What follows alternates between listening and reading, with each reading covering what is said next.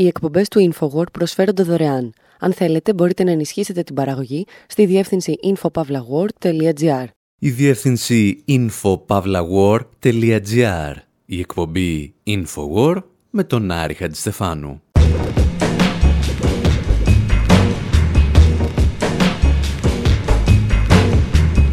Όπου σήμερα πίνουμε την πύρα μας με κάτι αρχαίους Σουμέριους, δοκιμάζοντας τα πρώτα καλαμάκια στην ιστορία της ανθρωπότητας. Υποπτευόμαστε ότι δεν είναι αυτά που οδήγησαν τον πλανήτη στα όρια της ολοκληρωτικής περιβαλλοντικής καταστροφής και αναρωτιόμαστε μήπως απαγορεύοντάς τα κάναμε μεγαλύτερη ζημιά.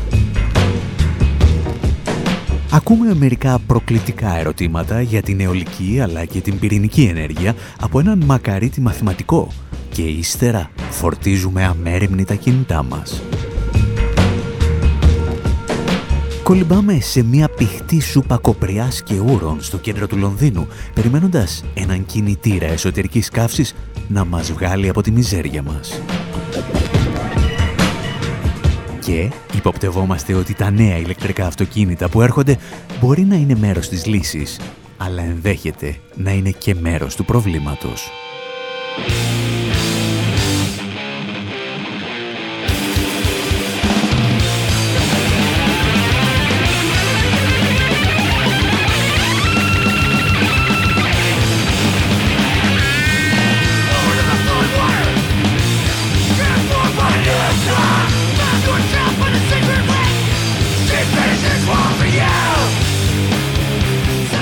Το τραγουδάκι που δεν πολύ ακούγεται ανήκει στους Trappist και λέγεται Hymn του Νικάση. Αποτελεί δηλαδή μία οδή στην Νικάση, η οποία για τους αρχαίους Σουμέριους ήταν η θεά της μπύρας. Για την ιστορία και το όνομα του συγκροτήματος ενδέχεται να προέρχεται από την μοναστηριακή μπύρα Trappist, αλλά βαρεθήκαμε να το διασταυρώσουμε. Ό,τι και αν έχετε ακούσει για τους Σουμέριους στο σχολείο, είμαστε σχεδόν βέβαιοι ότι δεν σας εξήγησαν τα τρία σημαντικότερα χαρακτηριστικά του πολιτισμού τους. Ότι είχαν, όπως είπαμε, μία θεά μόνο για την πύρα, ότι ουσιαστικά ανακάλυψαν την πύρα και στη συνέχεια ανακάλυψαν και τα καλαμάκια με τα οποία έπιναν την πύρα τους. It's 3000 BCE and it's an unbearably hot day in Sumer a civilization which thrived in what is now known as southern Iraq. Under the bright sun, two Sumerian... Βρισκόμαστε στο έτος 3000 προ-κοινή χρονολογίας και είναι μια βάσταχτα ζεστή μέρα στη Σουμερία, έναν πολιτισμό που άκμασε στην περιοχή του σημερινού νοτίου Ιράκ. Κάτω από τον καυτό ήλιο, δύο Σουμέριοι σβήνουν τη δίψα τους σε μια μπύρασή του. Όμως έχουν ένα πρόβλημα. Η διαδικασία ζύμωσης που χρησιμοποιούν συχνά αφήνει στέρεα υποπροϊόντα που επιπλέον στον αφρό του ποτού τους και είναι δύσκολο να τα αποφύγουν. Ευτυχώς βρίσκουν μια λύση. Ένα καλαμάκι φτιαγμένο από κόκαλο, μέταλλο ή ακόμα και οργανικά υλικά όπως καλάμια. Οι Σουμέροι χρησιμοποιούσαν το καλαμάκι σαν έναν τρόπο να διασφαλίσουν ότι έντομα, φλοιοί δημητριακών και κάθε είδους συζήματα στο ποτό τους δεν θα ενοχλούσαν την απόλαυσή τους.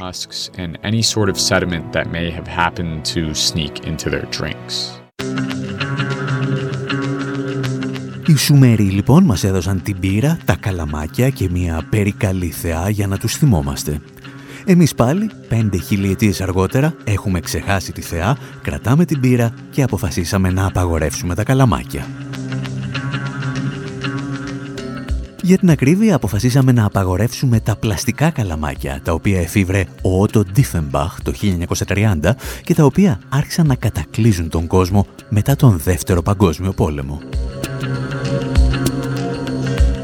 Τον κατέκλυσαν μάλιστα τόσο πολύ, ώστε το 2015 κυκλοφόρησε ένα βίντεο στο YouTube που δείχνει ένα πλαστικό καλαμάκι να έχει σφινώσει στη μύτη μιας θαλάσσιας χελώνας. Και τότε ποιος είδε τη θεά Νινκάση και δεν τη λυπήθηκε. Το βίντεο στις διάφορες παραλλαγές του έχει πλέον εκατοντάδες εκατομμύρια views στο YouTube και μαζί του αναπτύχθηκε ένα παγκόσμιο κίνημα για την κατάργηση των πλαστικών καλαμακίων. Αν δηλαδή το καλαμάκι το είχαν βρει στη μύτη ενός παιδιού σκλάβου που εξορίσει κοβάλτιο στο Κονγκό, μπορεί να είχαμε σώσει και κανέναν άνθρωπο.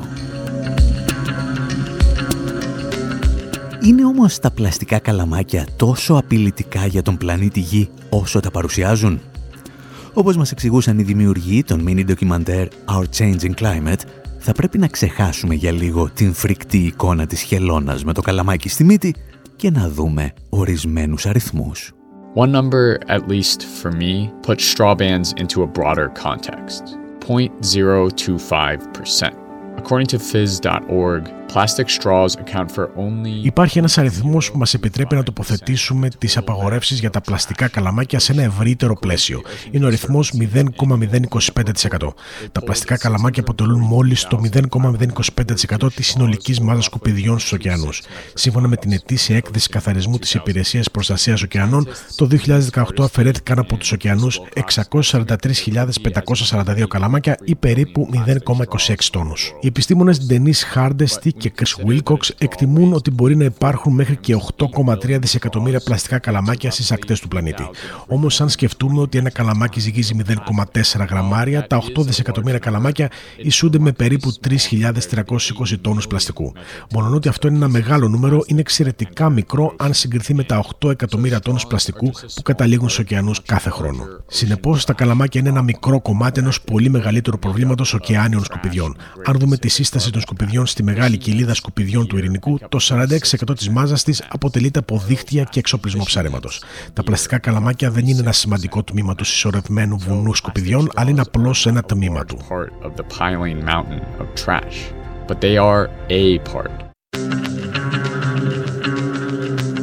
Από όλα αυτά που ακούσατε αρκεί να θυμάστε ότι όλα τα καλαμάκια του ντουνιά που καταλήγουν στους ωκεανούς ζυγίζουν περίπου 3.000 τόνους ενώ όλα τα άλλα πλαστικά ζυγίζουν 8 εκατομμύρια τόνους. Έχουμε δηλαδή ένα ζήτημα, αλλά σε καμία περίπτωση δεν είναι αυτό το πρόβλημά μας. Γιατί λοιπόν έγινε τόσος κακός χαμός με τα καλαμάκια; Μερικές φιλοσοφικές απαντήσεις ύστερα από αυτό. Every pirate was the same. We could not wait for climate change. The seas will swallow all the land. We cheer and raise our hooks and hands. One day a girl boarded the ship, a Swede heading to us amid. She said, You've got the whole thing wrong. Will you look when everyone's gone? Hi, ho, what's happening on the high seas? Don't you know?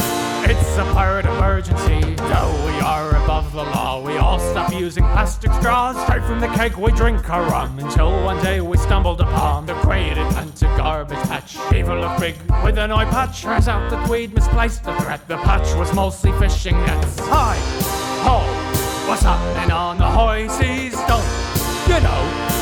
It's a pirate emergency. If we saw a fishing boat, we try to board and their throats. Protecting fish protects the sharks. We went walking the plank to lost. Years went by with many dead until one day my pirate said, These fishermen are just a victim of an economic system. Hi, ho, what's happening on the high seas? Don't you know? It's a pirate emergency. We stayed on land till anchors rust, but politics just weren't for us. It seemed now that our hope was lost, but then we came across Harley Frost. Το τραγούδι αυτό ενδέχεται να μην το έχει ακούσει ούτε η μάνα του τραγουδοποιού που το έγραψε. Συνοψίζει όμως όσα είπαμε μέχρι στιγμής. Κάτι πειρατές, λέει, σταμάτησαν να χρησιμοποιούν καλαμάκια και έπιναν το ρούμι τους από το μπουκάλι μέχρι που μια μέρα είδαν με το μονοκιάλι τους την τεράστια μάζα πλαστικών που έχει συγκεντρωθεί στον Ειρηνικό ωκεανό και συνειδητοποίησαν τότε ότι αυτοί δεν αποτελούνταν από πλαστικά καλαμάκια. Για να είμαστε βέβαια δίκαιοι με το κίνημα κατά των πλαστικών καλαμακίων, οι άνθρωποι δεν είπαν ακριβώς ότι ο πλανήτης θα σωθεί αν σταματήσουμε να χρησιμοποιούμε καλαμάκια. Αν και κάποιοι το είπαν και αυτό. Το βαθύτερο νόημα ήταν ότι μια μικρή συμβολική κίνηση από τους καταναλωτές θα έχει γεωμετρικές επιπτώσεις στη βιομηχανία πλαστικού, αλλά και στην αντίληψή μας για την κλιματική κρίση. Και μας το εξηγούσαν ξανά και ξανά σε δελτία ειδήσεων και εκπομπές, κάπως έτσι. As individual consumers become more conscious of their consumption of single-use plastic, Καθώς οι καταναλωτές αποκτούν περισσότερη συνείδηση για την κατανάλωση πλαστικών μιας χρήσης, αυτό θα οδηγήσει στην αγορά να καινοτομήσει, να αλλάξει, να χρησιμοποιήσει νέα υλικά που είναι είτε βιοδιασπόμενα είτε κομποστοποιημένα ως αναλλακτικές.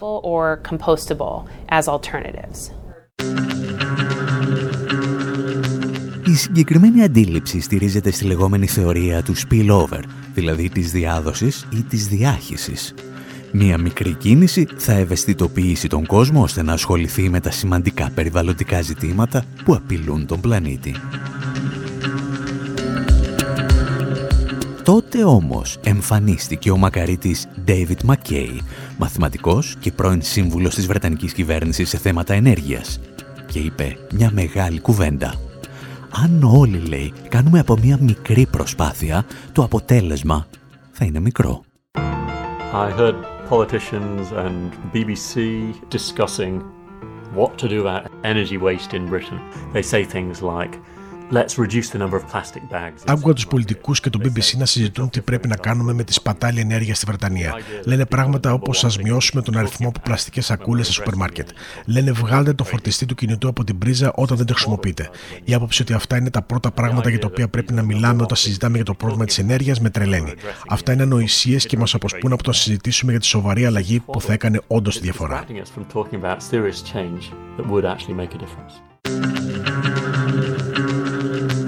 Αυτό που εξηγούσε με απλά λόγια ο Ντέβιτ Μακέι είναι ότι αντί για το φαινόμενο της διάχυσης πετυχαίνουμε το λεγόμενο φαινόμενο της αρνητικής διάχυσης. Ο καταναλωτής δηλαδή αισθάνεται ότι έπραξε το καθήκον του καταργώντας τα καλαμάκια και εν γνώση του ή και ασυνείδητα αυξάνει άλλες δραστηριότητες που βλάπτουν περισσότερο το περιβάλλον.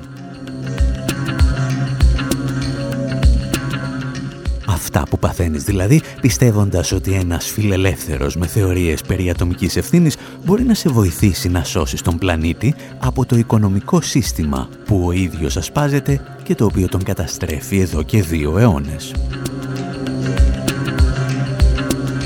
Ο David McKay, πάντως που ακούσαμε, άρχισε να εξηγεί αυτόν τον παραλογισμό χρησιμοποιώντας συγκεκριμένα παραδείγματα. This is a 40 watt light bulb. If you leave it on all the time, It uses one kilowatt hour every day, and it's possible to express all forms of power consumption αυτός είναι ένας λαπτήρας των 40 W. Αν τον αφήσει συνεχώς αναμένο, καταναλώνει μια κιλοβατόρα κάθε μέρα. Α προσπαθήσουμε τώρα να εκφράσουμε όλες τις μορφές κατανάλωσης ενέργεια χρησιμοποιώντας αυτή τη μονάδα μέτρησης του λαμπτήρα. Ξεκίνησα να μετρώ τα πάντα στο σπίτι μου και ανακάλυψα μερικά εκπληκτικά πράγματα. Πρώτα έβαλα στην πρίζα το φορτιστή του κινητού μου και δεν καταγράφηκε καν στο μετρητή ενέργειας. Χρησιμοποιεί ενέργεια ενός εκατοστού του λαμπτήρα, άρα δεν νομίζω ότι ο φορτιστής είναι ο βασικός υπέτειος της κατανάλωσής μας. Το να κάνεις ένα καυτό μπάνιο κάθε μέρα χρησιμοποιεί την ίδια ενέργεια με 5 λαμπτήρε που είναι συνεχώς αναμένοι hot bath every day uses the same energy, the same power as five light bulbs on all the time, non-stop. Αρκετά λοιπόν από αυτά που μας προτείνουν να κάνουμε για να σώσουμε τον πλανήτη έχουν ελάχιστο αντίκτυπο στην κατανάλωση ενέργειας. Σιγά σιγά όμως τα πράγματα γίνονται πιο σοβαρά και ενεργοβόρα. And I found I've been steadily using 40 light bulbs worth of gas for heating, making hot air and hot water, and that surprised me. Transport is one of the biggest forms of energy consumption. Σταθερά χρησιμοποιώ αέριο αξία 40 λαπτήρων για θέρμανση και ζεστό νερό. Αυτό με εξέπληξε. Ύστερα έρχονται οι μεταφορές που είναι από τις μεγαλύτερες μορφές κατανάλωσης ενέργειας. Χρησιμοποιούν περίπου το 1 τρίτο της ενέργειάς μας. Αν οδηγείς ένα μέσο αμάξι για 50 χιλιόμετρα την ημέρα, αυτό αντιστοιχεί σε 40 λαπτήρες αναμένου συνεχώς. Σήμερα ο μέσος Βρετανός πολίτης χρησιμοποιεί ενέργεια αξίας 125 λαπτήρων. 125 λαπτήρες που είναι αναμένοι συνεχώς. Αυτό είναι τεράστιο. Πόσο μπορώ λοιπόν να εξοικονομήσω; Το να χαμηλώσει τον θερμοστάτη κατά ένα βαθμό θα κάνει διαφορά. Θα μειώσει την κατανάλωση ενέργειας κατά περίπου 10% στο σπίτι, όμως αυτό δεν είναι αρκετό για να λύσει το ενεργειακό μας πρόβλημα. Οι ατομικές πράξεις από μόνες τους δεν αρκούν. Οι επιστήμονες λένε ότι θα πρέπει να πετύχουμε μειώσεις της τάξης του 90%. Χρειάζεται να μιλήσουμε για σαρωτικές αλλαγές σε εθνικό επίπεδο, στον τρόπο που χρησιμοποιούμε την ενέργεια. We need to be talking about sweeping national changes to the way we use energy. Ο David McKay λοιπόν μας λέει κάτι πολύ απλό. Το γεγονός ότι καταναλώνουμε πολλή ενέργεια δεν μπορεί να λυθεί με ατομικές δράσεις. Το να πιστεύουμε μάλιστα ότι μπορεί να λυθεί έχει ακόμη πιο καταστροφικές συνέπειες γιατί σταματάμε να ασχολούμαστε με τα πολιτικά και οικονομικά ζητήματα που πραγματικά μπορούν να φέρουν την αλλαγή. Στην επόμενη φάση όμως, ο Μακέι αποφάσισε να γίνει και λίγο κακός. Έχω βαρεθεί, έλεγε όλους αυτούς που πιστεύουν ότι πρέπει να εγκαταλείψουμε μία μορφή ενέργειας χωρίς να γνωρίζουν τι χρειάζεται για να την αντικαταστήσουμε με μία άλλη. Well, it makes me pretty angry if people are anti-wind and anti-nuclear and anti-coal. It just doesn't make sense. What do they want to have happen when they switch the light switch on? Με θυμώνει αρκετά όταν οι άνθρωποι είναι ενάντια στην ενέργεια από άνεμο και ενάντια στην πυρηνική και ενάντια στο λιγνίτη. Δεν βγάζει νόημα. Τι θα ήθελα να συμβεί όταν ανοίγουν το διακόπτη; Αυτή τη στιγμή λαμβάνουμε το 90% της ενέργειάς μας από ορυκτά καύσιμα και το έχουμε συνηθίσει. Προφανώς, αν σταματήσουμε να χρησιμοποιούμε ορυκτά καύσιμα, ό,τι άλλο κάνουμε πρέπει να αυξηθεί περίπου δεκαπλάσια για να αναπληρώσει την απώλεια των ορυκτών καυσίμων. Άρα, προφανώς πρέπει να ληφθούν θαραλέες αποφάσεις. Πρέπει να μιλήσουμε για μια δεκαπλάσια αύξηση στην πυρηνική ενέργεια, για δεκαπλάσια αύξηση στην αιωλική ενέργεια και δεκαπλάσια αύξηση σε όσα κάνουμε.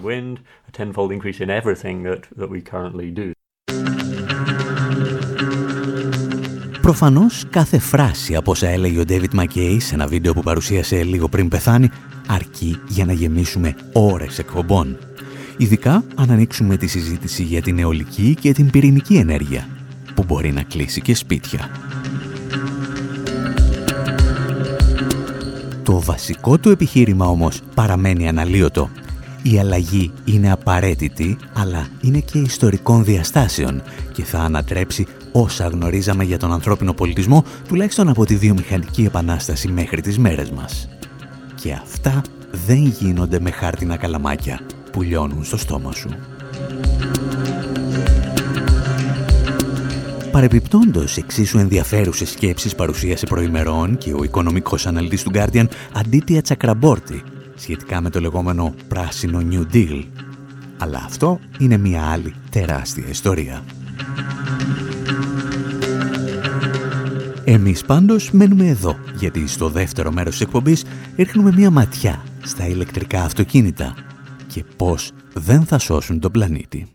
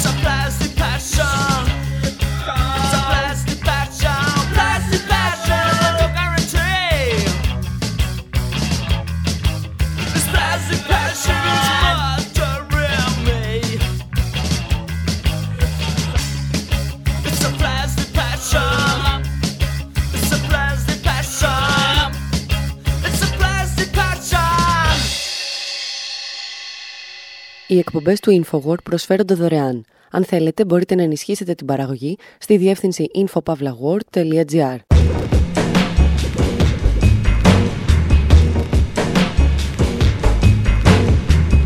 Εκπομπή InfoWord, μέρος δεύτερο όπου αφού σώσαμε τον πλανήτη χρησιμοποιώντας χάρτινα καλαμάκια, θα τον ξανασώσουμε μπαίνοντας σε ένα πολυτελές ηλεκτροκίνητο Τέσλα. Πριν ξεκινήσουμε, θα κάνουμε μακροβούτι σε μια πηχτή σούπα με ακαθαρσίες, η οποία μας βγάζει κατευθείαν στο κέντρο του Λονδίνου. Υποπτευόμαστε ότι κάποιοι κάποτε πουλούσαν τον κινητήρα εσωτερικής καύσης ως την απόλυτη σωτηρία για το περιβάλλον και το ίδιο σκοπεύουν να κάνουν και σήμερα με τα ηλεκτρικά αυτοκίνητα.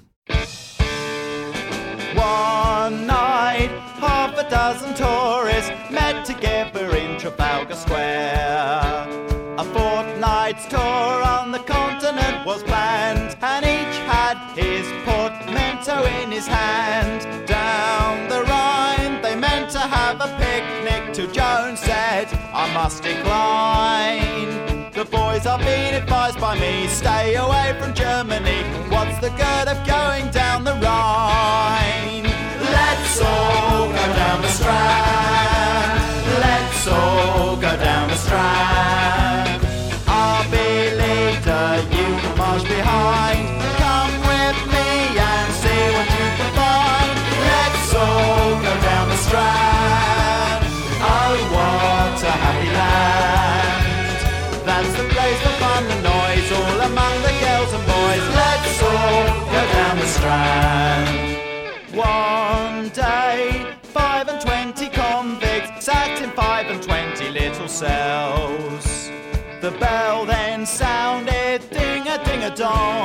To exercise, the prisoners came along. Burglar Ben exclaimed to Jax the warder, To me, sir, it's very strange. The men are tired of going. Οι Blair από τον προηγούμενο αιώνα τραγουδούν «Let's all go down the Strand». Ας κατεβούμε όλοι τη Strand. Και αναφέρονται φυσικά σε έναν από τους κεντρικότερους δρόμους του Λονδίνου. Go down the strand. Οι Blair υποτίθεται ότι στο άλμπουμ τους Modern Life is Rubbish σατήριζαν τα μικροαστικά στρώματα της Μεγάλης Βρετανίας. Αν και μάλλον λίγοι το κατάλαβαν και ακόμη λιγότεροι θυμούνται εκείνο το άλμπουμ.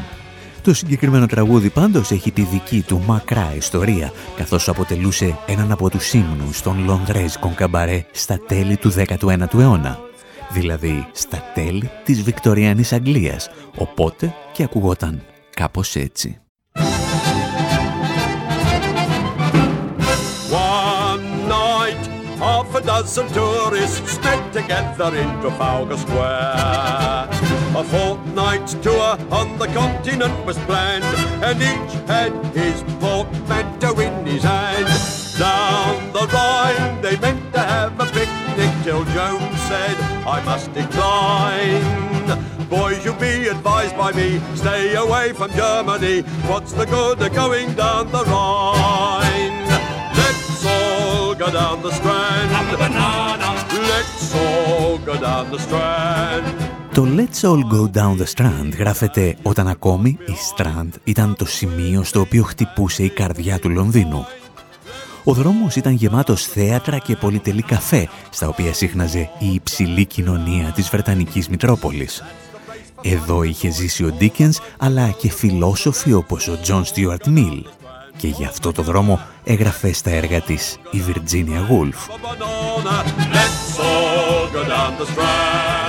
Η Strand βέβαια είχε ένα μικρό προβληματάκι για το οποίο δεν μιλούσε κανένας. Ήταν γεμάτη σκατά. Από τη Στραντ, όπως και από άλλους κεντρικούς δρόμους του Λονδίνου και όλων των μεγαλοπόλεων του πλανήτη, περνούσαν καθημερινά χιλιάδες άλογα, τα οποία μετέφεραν ανθρώπους και εμπορεύματα. Και αυτά τα άλογα είχαν μια κακή συνήθεια. Τα εξηγούσε πρόσφατα ο δημοσιογράφος Tom Standards από τη σειρά podcast του Guardian Long Read. By the 1890s, about 300,000 horses were working on the streets of London, and more than 150,000 in New York City. Μέχρι τη δεκαετία του 1890, περίπου 300.000 άλογα δούλευαν στους δρόμους του Λονδίνου και περισσότερα από 150.000 στη Νέα Υόρκη. Κάθε ένα από αυτά τα άλογα παρήγαγε κατά μέσο όρο 10 κιλά κοπριά την ημέρα, συν περίπου ένα λίτρο ούρων. Το μάζεμα και απομάκρυση χιλιάδων τόνων ακαθαρσιών από τους τάβλους και τους δρόμους αποδείχθηκαν εξαιρετικά δύσκολα. Ένας αρθρογράφος στη Νέα Υόρκη είπε το 1857 ότι με την εξαίρεση ελαχίστων οδικών αρτηριών, όλοι οι δρόμοι είναι μια ενιαία μάζα ζέχνουσας αειδιαστικής βρωμιάς, η οποία είναι στιβαγμένη σε τέτοιο ύψος ώστε τους κάνει σχεδόν αδιαπέραστου για τα οχήματα. such a height as to render them almost impassable to vehicles. Εάν εσείς δηλαδή πιστεύατε ότι είχατε μια δύσκολη μέρα γιατί σας πήρε μία ώρα να διασχίσετε την Κηφισίας, σκεφτείτε και τον Βρετανό αστό του 19ου αιώνα που έπρεπε να φτιαρίζει κοπριά για να πάει στο γραφείο του. Αυτοί οι τόνοι κοπριάς και όρων κάλυπταν τα πάντα και οι κάτοικοι του Λονδίνου τους παρομοίαζαν με μια πηχτή σούπα, την οποία σούπα συχνά τη λούζονταν, κυριολεκτικά. Passing vehicles would fling sheets of such soup where not intercepted by trousers or skirts. Τα διερχόμενα οχήματα εκτόξευαν μεγάλες ποσότητες από αυτή τη σούπα, οι οποίες πιτσιλούσαν και λέκεζαν σπίτια και βιτρίνες καταστημάτων, εκτός αν ανέκοπτε την πορεία τους στο παντελόνι ή η φούστα κάποιου πεζού. Η κοπριά που μαζευόταν από τους δρόμους στηβαζόταν σε πολυάριθμες χωματερές γύρω από μεγάλες πόλεις. Τεράστιες στίβες κοπριάς επίσης τίνονταν δίπλα σε στάβλους και προσέφεραν ένα ελκυστικό περιβάλλον για τις μύγες.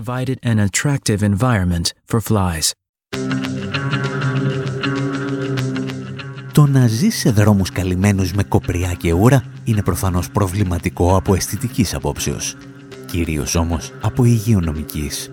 Πολύ περισσότερο αν σκεφτείς ότι ανάμεσα στις ακαθαρσίες των αλόγων μερικές φορές έβρισκες και τα ίδια τα άλογα. According to one turn of the century calculation, 20,000 New Yorkers died annually from maladies that fly in the dust clear evidence of the dangers Σύμφωνα με έναν υπολογισμό στην αλλαγή του αιώνα, 20.000 Νεοορκέζοι πέθαναν ετησίως από ασθένειες που πετούν στη σκόνη. Ξεκάθαρες αποδείξεις των κινδύνων για την υγεία από την εξάρτηση στα άλογα.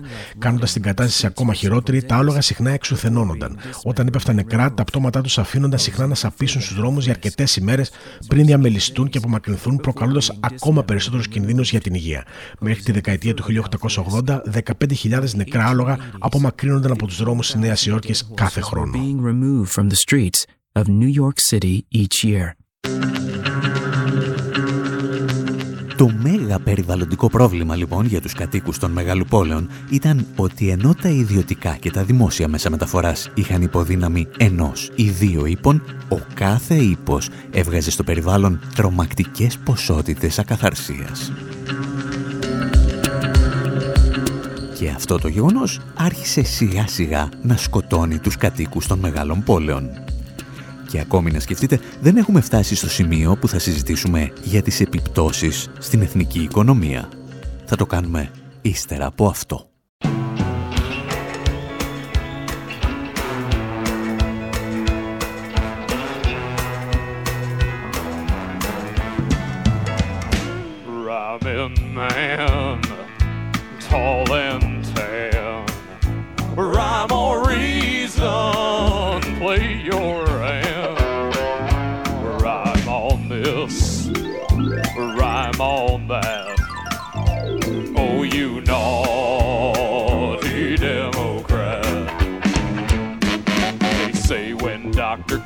Got shot. Jesse hatched an awful plot. Dipped his hands in the doctor's blood. And rubbed his shirt like playing with mud. Looked around for all the press. Check me out, my name is Chess. I'll be known from towns and farms. Dr. King died in my arms. Rhyming man,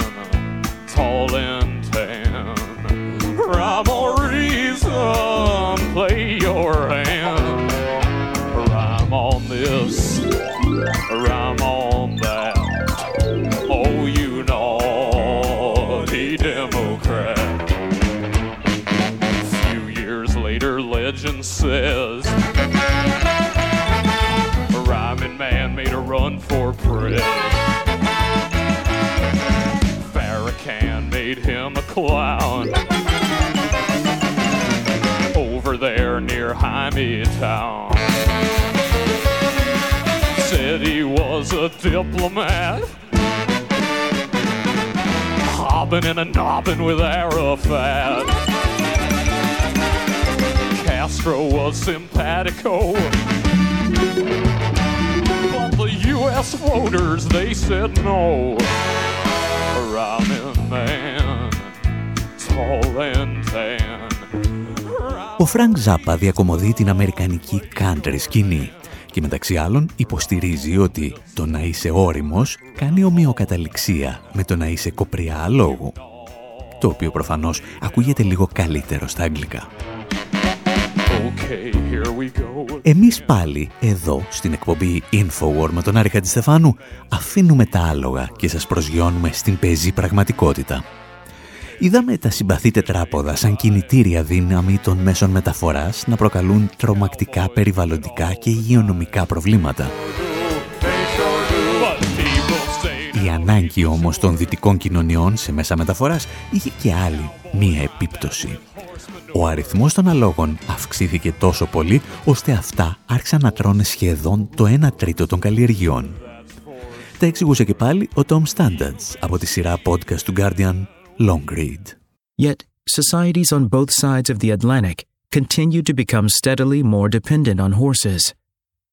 Between 1870 and 1900, the number of horses in American cities grew Οι fourfold. κοινωνίες και στις δύο πλευρές του Ατλαντικού γίνονταν ολοένα και πιο εξαρτημένες από τα άλογα.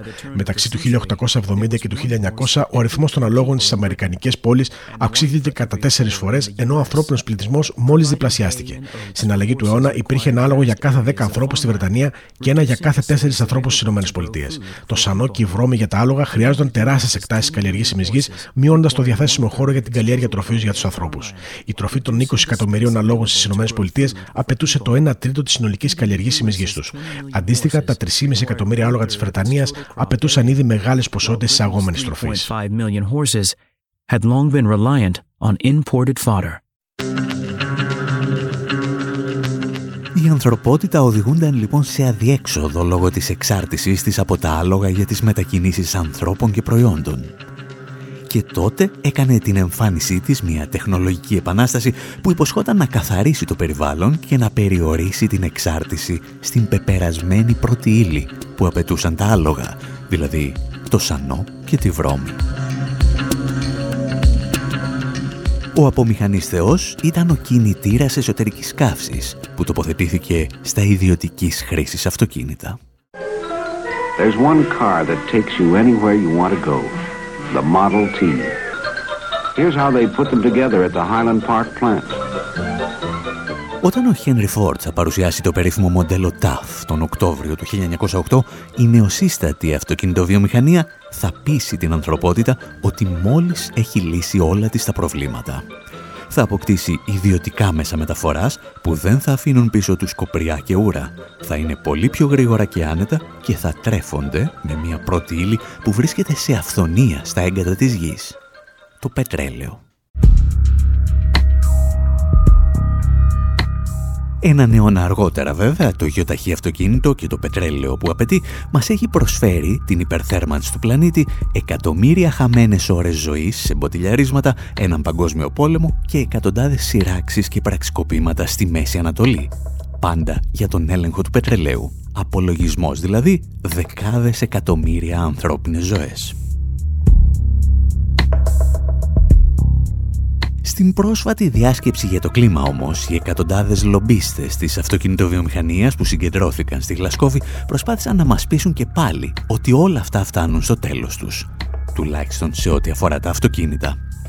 Ο κινητήρας εσωτερικής καύσης μας είπαν θα ανοίγει στο παρελθόν σε διάστημα 10 ή 20 ετών και στη θέση του θα έχουμε οχήματα που θα κινούνται με ηλεκτρική ενέργεια.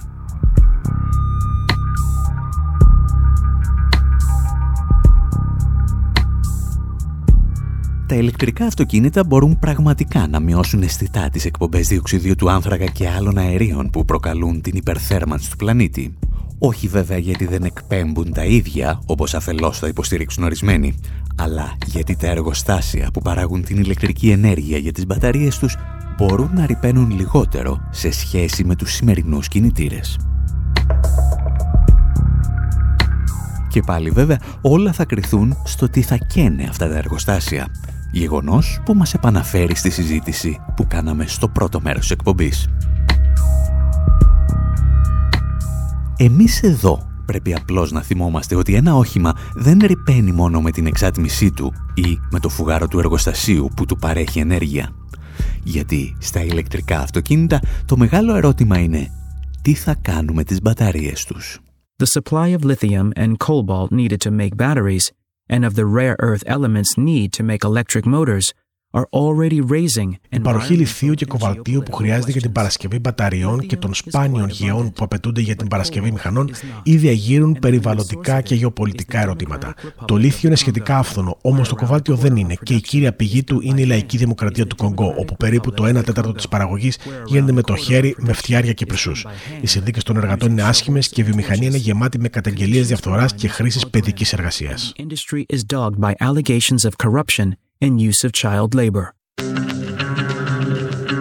Ο Tom Standards, τον οποίο ακούσαμε, φύγει σε μία παράγραφο τα τρία βασικά προβλήματα. Το πρώτο, το περιβαλλοντικό, είναι τι κάνουμε τις μπαταρίες όταν ολοκληρώσουν τον κύκλο ζωής τους. Και η απάντηση είναι δεν ξέρουμε καθόλου. Είτε θα καταλήξουν σε χωματερές όπου θα απελευθερώνουν τοξικές ουσίες και βαρέα μέταλλα ή θα προσπαθούμε να τις ανακυκλώνουμε. Ακόμη όμως, κανείς δεν έχει ανακαλύψει μια ασφαλή μέθοδο για να το κάνει. Το δεύτερο πρόβλημα είναι όπως ακούσατε το γεωπολιτικό. Οι πρώτες ύλες για την κατασκευή αυτών των μπαταριών ελέγχονται σε σημαντικό βαθμό από την Κίνα. Και η Δύση έχει αποδείξει ότι όταν ζητά απεγνωσμένα μια πρώτη ύλη είναι διατεθειμένη να ξεκινήσει πολεμικές επιχειρήσεις ή και παγκόσμιους πολέμους. Το τρίτο πρόβλημα είναι η υπερεκμετάλλευση των εργατών σε χώρες όπως το Κονγκό. Ιστορίες που διηγούνταν δημοσιογράφοι του Channel 4 όταν επισκέφθηκαν ένα ορυχείο κοβαλτίου όπου εργάζονταν παιδιά ηλικίας 8 ετών. This is one of the thousands of unregulated, unmonitored mines in the DRC. It's crawling with children working like modern day slaves. Αυτό είναι ένα από τα χιλιάδες ορυχεία στη λαϊκή δημοκρατία του Κονγκό που λειτουργούν χωρίς εποπτεία. Είναι γεμάτο παιδιά που δουλεύουν σαν σύγχρονοι σκλάβοι. 12 ώρα εξαντλητικής δουλειάς που μπορεί να τους αποφέρει το αντίστοιχο μιας αγγλικής λίρας. Μόνο ότι είναι μια από τις φτωχότερες χώρες στη γη, η λαϊκή δημοκρατία του Κονγκό είναι πλούσια σε μεταλλεύματα. Η βάρβαρη απεικιοκρατική εκμετάλλευση στην ιστορία της χώρας φαίνεται ότι επαναλαμβάνεται σήμερα. Η πλειοψηφία των μεταλλευμάτων εξορίσεται διαχειρός με υποτυπώδη εργαλεία σε επικίνδυνες συνθήκες. Η λαϊκή δημοκρατία του Κονγκό είναι πλούσια σε κοβάλτιο, το οποίο γρήγορα γίνεται πιο πολύτιμο από το χρυσό. Είναι βασικό συστατικό των μπαταριών ιόντων λιθίου που δίνουν ενέργεια στα κινητά τηλέφωνα και τα λάπτοπ. Ένα στρατός από παιδιά βρίσκεται στην καρδιά της εξορρυκτικής παραγωγής. Ξυπόλυτος στις πιο άθλιες συνθήκες, ο Ντορσάν παίρνει διαταγή να παραλάβει ένα σακί. Του λένε πως θα τον χτυπήσουν αν του πέσει. Ο Ντορσάν είναι 8 ετών. Ακόμα και αυτή η βασανιστική εργασία δεν εγγυάται αρκετά χρήματα για το φαγητό του. Ο Ντορσάν δεν έχει φάει εδώ και δύο μέρες. Ο Ντορσάν είναι ένα από τα παιδιά που επιτρέπουν σε πολυεθνικές εταιρείες στην Αμερική και την Κίνα να κερδίζουν εκατομμύρια ενώ ο ίδιος ζει στη μιζέρια. Λαμβάνει περίπου 8 βρετανικές πένες ανά ημέρα. For this, they'll get maybe 8 British pence a day. Τα νέα μας ηλεκτρικά αυτοκίνητα λοιπόν χρησιμοποιούν μπαταρίες που κατασκευάζονται με υλικά που παράγουν σκλάβοι και αυτές τις μπαταρίες δεν ξέρουμε τι θα τις κάνουμε όταν ολοκληρώσουν τον κύκλο λειτουργίας τους. Είναι δηλαδή η κοπριά του 21ου αιώνα. Και σε αυτή τη συζήτηση να σκεφτείτε ότι δεν έχουμε φτάσει ακόμη στον τρόπο με τον οποίο το κόστος της μετάβασης στην ηλεκτροκίνηση θα μεταφερθεί σε τεράστιο βαθμό στην πλάτη των φορολογούμενων. Επειδή όμως κάπου εδώ η εκπομπή μας τελειώνει, περισσότερα για αυτό το θέμα μπορείτε να βρείτε στο σχετικό κείμενο του Infoword στην εφημερίδα των συντακτών. Εμείς κάπου εδώ λέμε να σας αφήσουμε και για αυτή την εβδομάδα. Να θυμάστε ότι όλες μας τις εκπομπές τις βρίσκεται στη διεύθυνση infopavlawar.gr μαζί με ό,τι άλλες ιδέες μας κατεβαίνουν στα μέσα της εβδομάδας. Μέχρι την επόμενη εβδομάδα από τον Άρη Χατζηστεφάνου στο μικρόφωνο, τον Ανδρέα Κοσιάρης στις μεταφράσεις και τον Δημήτρη Σταθόπουλο στην τεχνική επιμέλεια, γεια σας και χαρά σας.